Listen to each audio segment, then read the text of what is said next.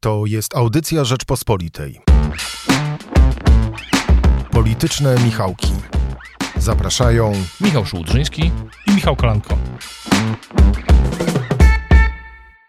Piątek 22 kwietnia witamy Państwa bardzo serdecznie w politycznych e, Michałkach. E, poświąteczna atmosfera bardzo szybko zniknęła, mam wrażenie, z polskiej polityki. E, wróciły twarde, e, twarde dyskusje. E, Michale, chciałem Cię zapytać o jedną, jedną sprawę. E, w czwartek, w te wieczorem w TVN 24 wystąpił szef klubu parlamentarnego Platformy Obywatelskiej Borys Budka i powiedział: Jeśli Jarosław Kaczyński będzie chciał doprowadzić do przedterminowych wyborów poprzez przegłosowanie wniosku o samorozwiązanie Sejmu, powinien spotkać się z Donaldem Tuskiem, a on przedstawi mu warunki poparcia takiego y, wniosku. E, czy to jest kuszenie Jarosława Kaczyńskiego, czy próba powtórzenia scenariusza z 2007 roku? Nie, myślę, że to nie jest ani kuszenie Jarosława Kaczyńskiego, ani próba powtórzenia tego scenariusza. Ja mam raczej wrażenie, że to jest próba po prostu zablokowania takiego scenariusza, bo to jest całkiem jasne, że, że Jarosław Kaczyński no, nie pójdzie do Donalda Tuska negocjować wcześniejsze wybory, czy, czyli szanse na to, żeby stracić władzę. No, to jest, nie, nie mieści się w dzisiejszej no, nie mieści się w głowie, tak? To jest niewykonalne. Więc ja mam bardziej wrażenie, że Platforma w ten sposób y, sygnalizuje, y, że, y, że nie chce, nie chce wyborów. Nie uznaje je za realne, bo gdyby uznawała je za realne, to to chyba by stawiała inne argumenty. I gdyby ich chciała też. A, a mam wrażenie, że Platforma po prostu domyślnie raczej nie chce wyborów z, z, wielu, z wielu przyczyn. Jedną z nich jest to, że prawdopodobnie politycy Platformy liczą cały czas na to, że, tu, że PiS się po prostu jeszcze mocniej będzie zużywał. No więc właśnie, to jest to pytanie e, rytualne, które pada w dyskusjach. E, po pierwsze, czy PiS ma większość, a po drugie, czy będą przyspieszone wybory.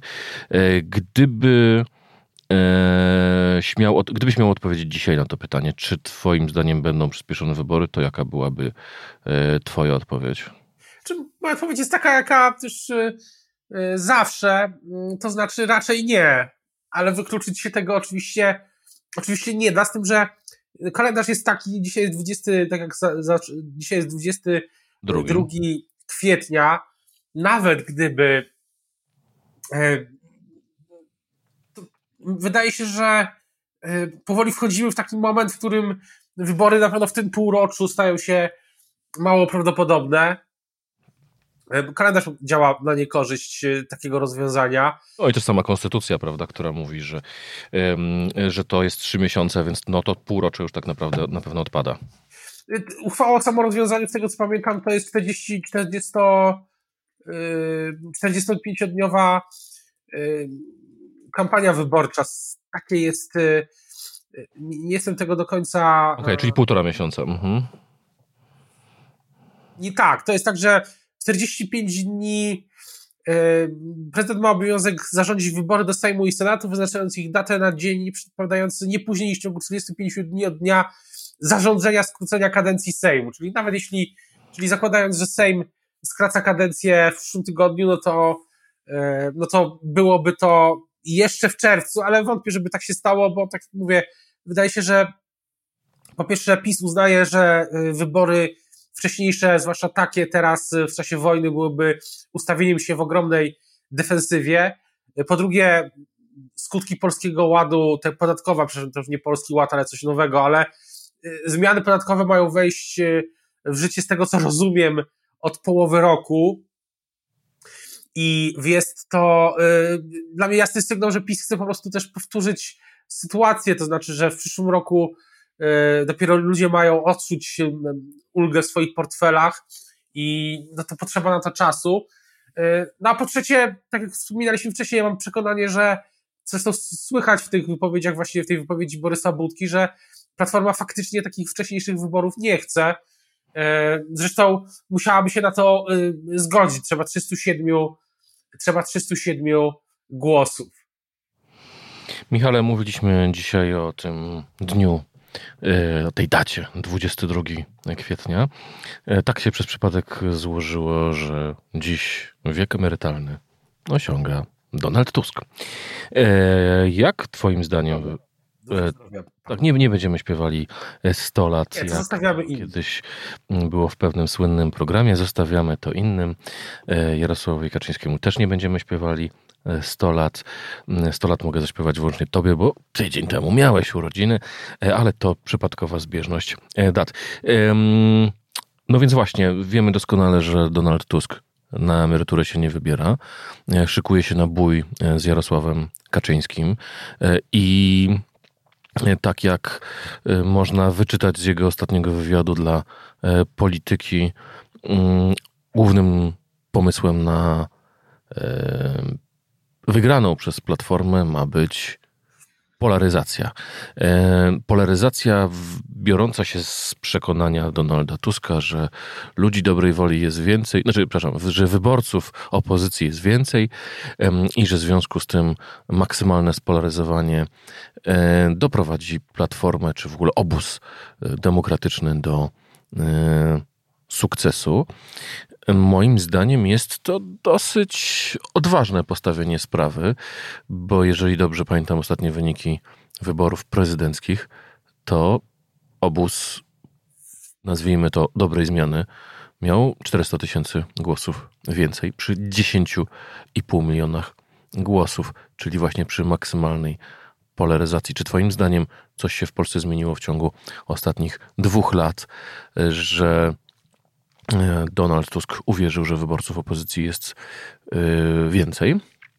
Nie wydaje mi się, że Donald Tusk używa kalkulacji z, jeszcze z 2019 roku, którą Platforma używała, używa od czasu do czasu, że wtedy w wyborach e, do Sejmu, gdy policzyć głosy wszystkich tych, którzy nie są w PiSie, no to rzeczywiście jest ich, może być ich, jest ich więcej. Tak, tak wydaje mi się, że taka jest cały czas kalkulacja. Oczywiście Polska się przez te dwa lata zmieniła, zmieniły się i elektoraty, wojna, pandemia, ale tutaj odpowiedź na pytanie, jak się zmieniła, no to y, to oczywiście jest y, poza, poza chyba ramami naszej dyskusji trzeba byłoby mieć chyba naprawdę dużo więcej danych, żeby to wprost opowie- powiedzieć.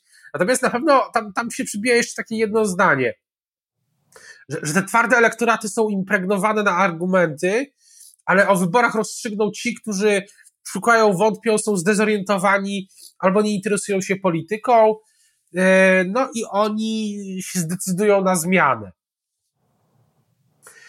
No i to też jest, to, to jest jedno, to jest też ważne założenie, bo oczywiście tam polaryzacja na wielu polach, też właśnie zachód, wschód yy, i tak dalej, tak jak tu spróbuję ustawiać, no ale on też mówi, tak jak w swojej książce Wybór, właśnie o tym takim yy, zdezorientowanym, zagubionym centrum które ma no, przyjść do obozu demokratycznego. Tusk chyba zakłada, że uda mu się też jedną listę zbudować. Co też jest założeniem, które mm, wydaje się mm, optymistycznym, prawda? Dlatego, że mm, tak jak się posłucha PSL-u czy Szymona Hołowni, to ta chęć do budowania jednej wielkiej wspólnej listy, no nie wydaje mi się taka wielka rzeczywiście jest tak, że jak się słucha tych wypowiedzi polityków, zwłaszcza tak jak wspominałeś, zwłaszcza Władysława Kosiniaka-Kamysza, no to oni rzeczywiście no, zarzekają się, że wspólnej listy z lewicą, zwłaszcza z takiej jednej dużej listy e, nie będzie. No, zobaczymy, jak to będzie wyglądało w praktyce, bo tak jak pisaliśmy w Rzeczpospolitej, tak jak rozmawialiśmy też, no klimat, jeśli chodzi o opozycję się, to wewnętrzny klimat się polepszył, mniej jest takich docinków e, publicznych, prywatnych, nastąpiła pewna odwilż i też e, Donald Tusk wspomina, że sondaże mają pokazać, jaki format jest najlepszy, a wiadomo, jak to jest z sondażami. Można, mm, no, wiele rzeczy można ich pomocą osiągnąć. Więc e, jeśli nagle się pojawi sondaż, w którym jedna wspólna lista ma dużo więcej punktów procentowych niż PiS, to wtedy myślę, że dla Kosiniaka Kamysza i dla Hołowni może się okazać to trudnym orzechem do zgryzienia, skoro już Tusk mówi, że oni się zgodzili na taką, e, e, na taki empiryczny sąd, w miarę empiryczny. Więc e, myślę, że z tych wszystkich założeń to dzisiaj daleko jest do wspólnej listy, ale z tych wszystkich założeń, to tutaj Tusk może mieć chyba trochę, trochę powodów do optymizmu, żeby nie było tak, że jest całkiem całkiem ten obraz y, negatywny, czy taki za y, czy jesteśmy aż tacy sceptyczni wobec jego, jego tez. Ja cię chciałem jeszcze zapytać o taką rzecz, dlatego z, związaną z zapleczem e, Platformy, bo mam wrażenie, że um, istnieje dwóch Donaldów Tusków. Jeden, który w książce Wybór pisze o tym, że polityk nie może uprawiać polityki na Twitterze na swoją chwałę, e, dlatego że buduje wtedy swoją osobistą popularność, ale niekoniecznie robi coś pożytecznego dla swojej partii. Oraz Donald Tusk na e, Twitterze, który pisze rzeczy mające mobilizować e, najtwardszy elektorat spod, mm, e, spod hasła Silni Razem czy, mm, czy Ośmiu Gwiazdek. Mm, I mam wrażenie, że to są takie trochę wykluczające się wykluczające się narracje czy, czy, czy, czy, polityki. Z jednej strony jest to zrozumiałe, no bo Donald Tusk musi mieć e, przekaz dla twardych wyborców opozycji, dla umiarkowanych wyborców opozycji, dla wyborców centrum, tych, o których mówiłeś przed momentem, e, ale mm, jak gdyby widzę w tym jakiś chaos, tak? Z jednej strony mm, ci radykałowie mm, starają się, radykalni wyborcy czy, czy sympatycy Tuska Mm, właśnie dociskać pedał gazu, żeby tutaj mocniej jechać z pisem, jeszcze mocniejsze dawać obietnice, a tu nagle wyskakuje Leszek Balcerowicz i pyta się, skąd wy na to wszystko Właśnie, weźmiecie pieniądze. Bardzo ważne, bardzo ważny przypominasz e, profesora Balcerowicza, e, ważną postać, e, bardzo ważną postać, jeśli chodzi o ten, to środowisko centrowo-liberalne, czy liberalnego centrum, czy demokratycznego centrum, możemy je nazywać jak chcemy, to mniejsza nie ma dzisiaj znaczenia. I warto zadać pytanie, czy ja takie pytanie myślę, że sobie ostatnio zacząłem zadawać, czy, czy Platforma Obywatelska w tej chwili e, swoimi propozycjami społecznymi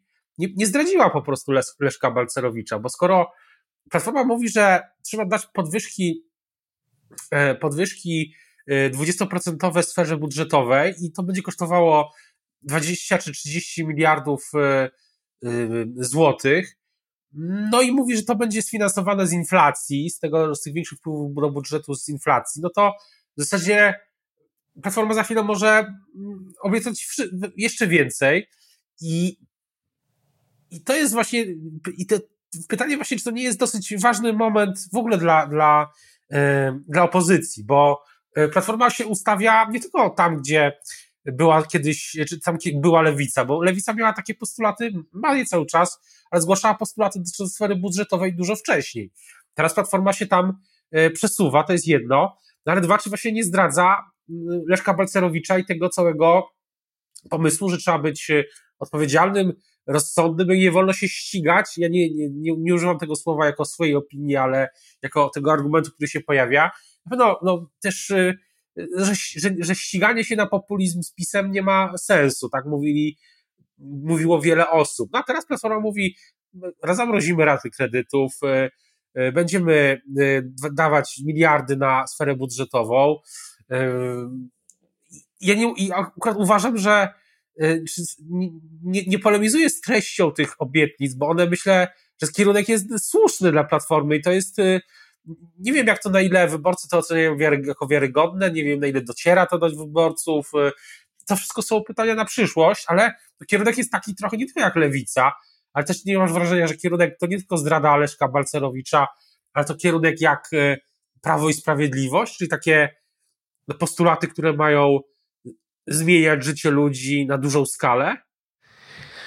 No tak, i chyba pisała o tym, pisała o tym Zuzanna Dąbrowska, że tak naprawdę to socjalna polityka jest tym, co może połączyć społeczna polityka jest tym, co może połączyć opozycję, e, bo e, właściwie nikt już, no, liberałów już nikt nie kocha. No, Szymon Hołownia, mam wrażenie, że daleko jest od takiego twardego, wolnorynkowego liberalizmu.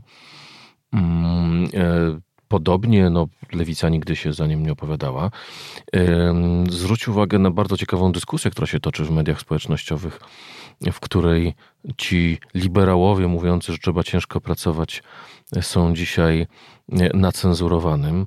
Wraca znowu to, ten spór o mieszkania. No jednak mocno lewicowy z tym hasłem, że mieszkanie jest prawem, a nie towarem. I ten, ten klimat dla postaw wolnorynkowych nie jest dobry nawet w tym elektoracie antypisowskim, bo ten, ten mm, taki klasyczny y, antypisowski, liberalny elektorat, który mówił skąd weźmiecie na to pieniądze, skończymy jak Grecja i tak dalej, no zostało z tymi argumentami jak Himmelsbach z angielskim, no bo tutaj Donald Tusk mówi jeszcze więcej wydatków społecznych. Tak, dlatego to jest y, ważna, dlatego uważam, że to jest ważny moment, niezależnie od tego, na ile Platforma będzie dalej konsekwentna z tymi pomysłami, na ile będzie to skuteczne, jeśli chodzi o samych wyborców, yy, czy kogoś to rzeczywiście przyciągnie, tego nie, tego nie wiem. No ale moment jest. Myślę, że trzeba ten moment odnotować. I yy, następnym oczywiście, czy ogromnym polem, tak jak ty mówisz, yy, który dyskusji w tym tygodniu, no są kwestie, czy w ogóle nie tylko w tym tygodniu, ale przez ostatnie lata są kwestie mieszkaniowe. I tutaj też widać podział pokoleniowy, też widać podział ideowy, ideologiczny nawet. I to też jest sfera akurat, gdzie Prawo i Sprawiedliwość sobie spektakularnie nie poradziło przez ostatnie tak. 7 lat. Przypomnijmy opowieści o e, setkach mieszkań, czy milionach mieszkań, e, programy mieszkania na wynajem, e, czy taniego mieszkania, mieszkania plus, co tam było jeszcze potem? Potem był SIM, tak? To, to akurat SIMy są, ale to to, to wszystko nie jest taki game changer, żeby za, załagodzić realnie ten problem, który teraz, zwłaszcza e, w tych nowych okolicznościach, e, jest na pierwszym planie, tak, że w Polsce nie ma, zwłaszcza młodzi ludzie nie mają dużych szans, żeby kupić własne mieszkanie, a mieszkań tanich na wynajem, czy samorządowych, czy państwowych, po prostu jest jak na lekarstwo. I tutaj no, widać pole do popisu dla, dla innych partii dla, mm, w nowej kampanii. E, Michale, chciałem, żebyśmy na moment e, prze, prze, przerzucili e, nasz obiektyw z opozycji na partię rządzącą, mm, dlatego że przyznam szczerze, można się pogubić w tym, co mówi partia rządząca. Na początku tygodnia rzecznik Prawa i Sprawiedliwości Radosław Fogiel mówi, że nie będziemy prosić Unię e, o pomoc.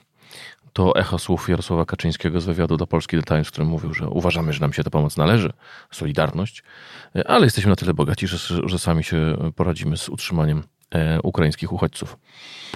Tymczasem premier cały czas krytykuje Unię, że tych pieniędzy nam nie daje. Unia mówi, że wystąpcie, to damy i mówi, że nie występujemy o to wszystko, co możemy. Polska mówi, utwórzcie nowe fundusze. Unia odpowiada, najpierw wydajcie pieniądze ze starych. E, na co, co opisujesz między innymi ty dzisiaj w tekście wspólnie z Anią Słejską. Mateusz Morawiecki wysyła list do Brukseli i mówi, no to dajcie nam pieniądze z zamrożonych pieniędzy oligarchów. Unia Europejska szuka listu od Mateusza Morawieckiego. O co tu chodzi? Michał, Myślę, litości, wyjaśnij naszym słuchaczom, bo ja już się pogubiłem.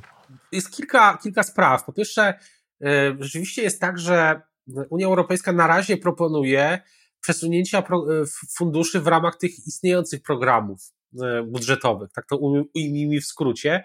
Ja rozmawiałem z politykami PiS i oni mówią, że tych funduszy w praktyce jest niewiele.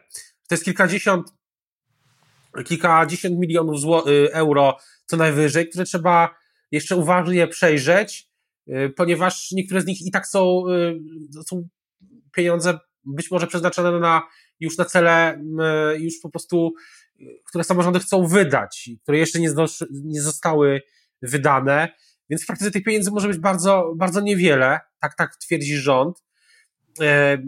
To są drobne ćwierć środki, jak powiedział E, mi wiceminister Paweł Jabłoński, a nawet nie pół środki, tylko ćwierć środki. No i stąd pomysł, żeby, który też e, w jakimś sensie koresponduje z tym, co mówi ostatnio prezydent Zełęński, że odbudowa Ukrainy też z pieniędzy rosyjskich oligarchów. No i rząd ewidentnie ma podobny pomysł, to znaczy skonfiskować pieniądze oligarchów i przeznaczyć je na wsparcie dla Ukrainy i dla krajów, które uchodźców wspierają. No i tu już nie mówimy o kilkunastu milionach e, euro, tylko o miliardach, miliard, 10, 11 miliardach euro w pierwszym rzucie, o ile dobrze rozumiem całą sytuację. No a Unia Europejska, tak jak opisujemy, e, opisuje to redaktor Słojewska, e, opisujemy to w Piątkowej Rzeczpospolitej, no mówi, że no będzie to trudne, że nawet jest problem z samą, samym zamrożeniem tych środków, a co dopiero z ich konfiskatą. Zresztą o tym, o tym echa tego sporo są też w Polsce.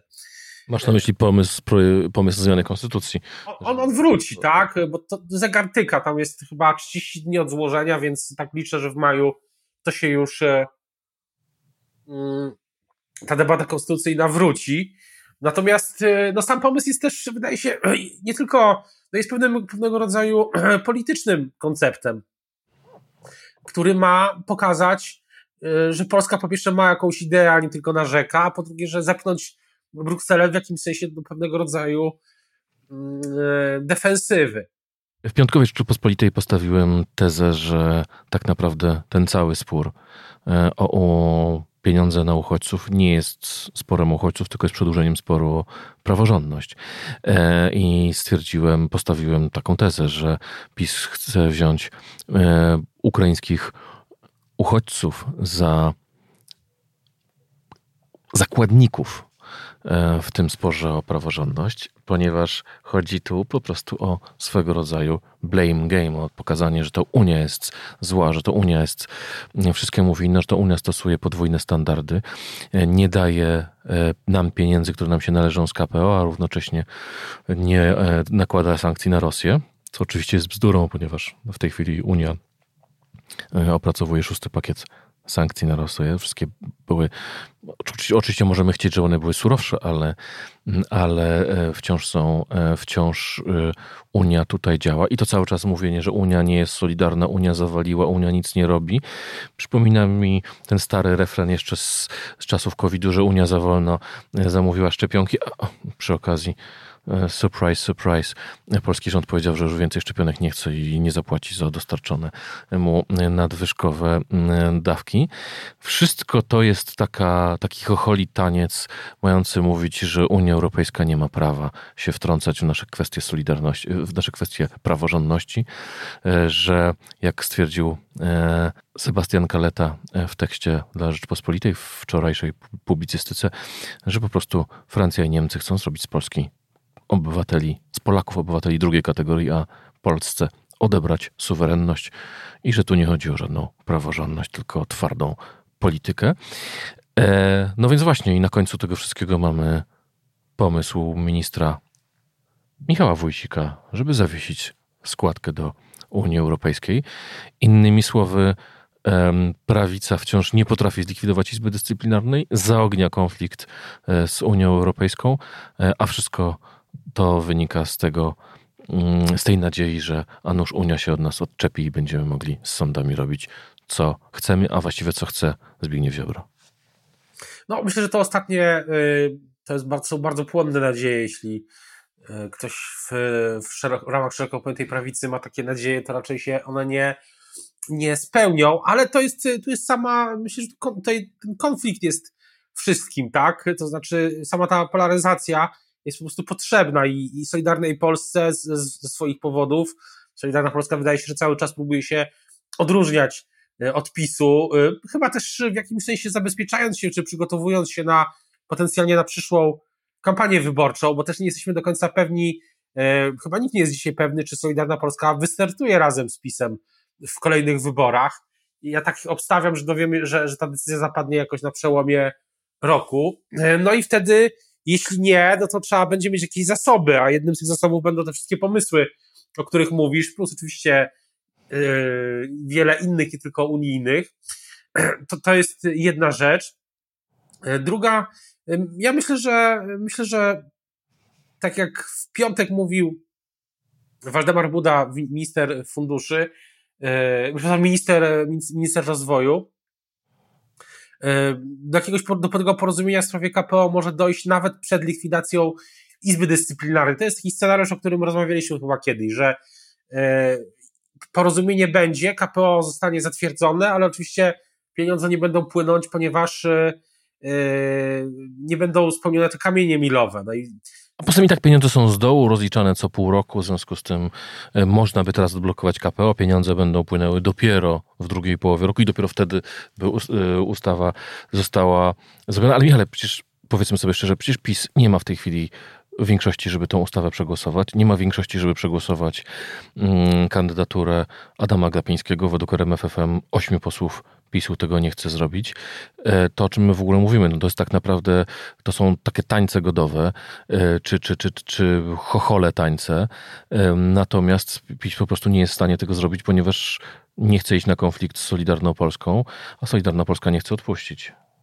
Natomiast jest tak, że oczywiście, że nie chce odpuścić, no bo to też jest kwestia, no jak mówiłem, to jest kwestia tożsamości grupy polityków Zbigniewa Ziobry. Oni uznają, że nie mogą się dać zdominować, no bo wtedy ich tożsamość inna niż ta, ta budowana od lat by się po prostu e, rozmyła. Natomiast ja uważam, że ja myślę, że ta ustawa w końcu w ten czy inny sposób e, przejdzie, to znaczy pisma tutaj plan B, czyli głosowanie razem z PSL-em.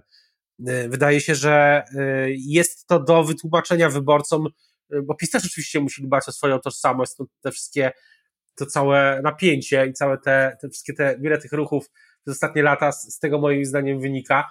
No, PiS też musi o swoich wyborców dbać, ale może wytłumaczyć, że jest wojna i um, trzeba y, iść za, y, iść, trzeba iść na pewną rodzaju ugodę.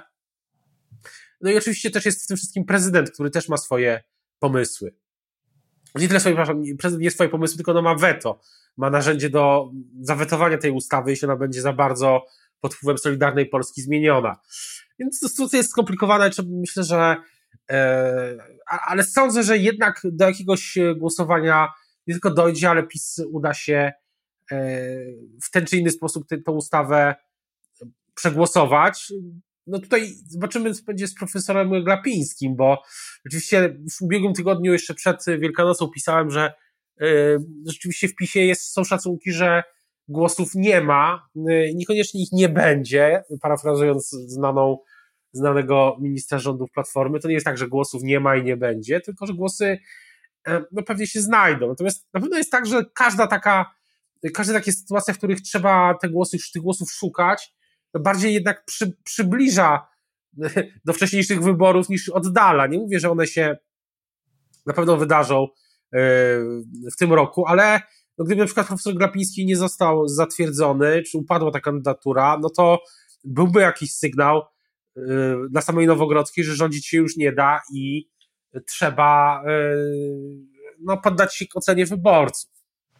Kwestią przyspieszonych wyborów rozpoczęliśmy nasze polityczne Michałki dziś i tą samą kwestią dziś kończymy. Michale, y, wszystkiego dobrego na ten weekend. Państwu również zdrowia, spokoju i tego, żeby przyszła wiosna i pokój na Ukrainie. Do usłyszenia Państwu już za tydzień w kolejnych politycznych Michałkach. Do usłyszenia. Słuchaj więcej na stronie podcasty.rp.pl. Szukaj Rzeczpospolita Audycje w serwisach streamingowych.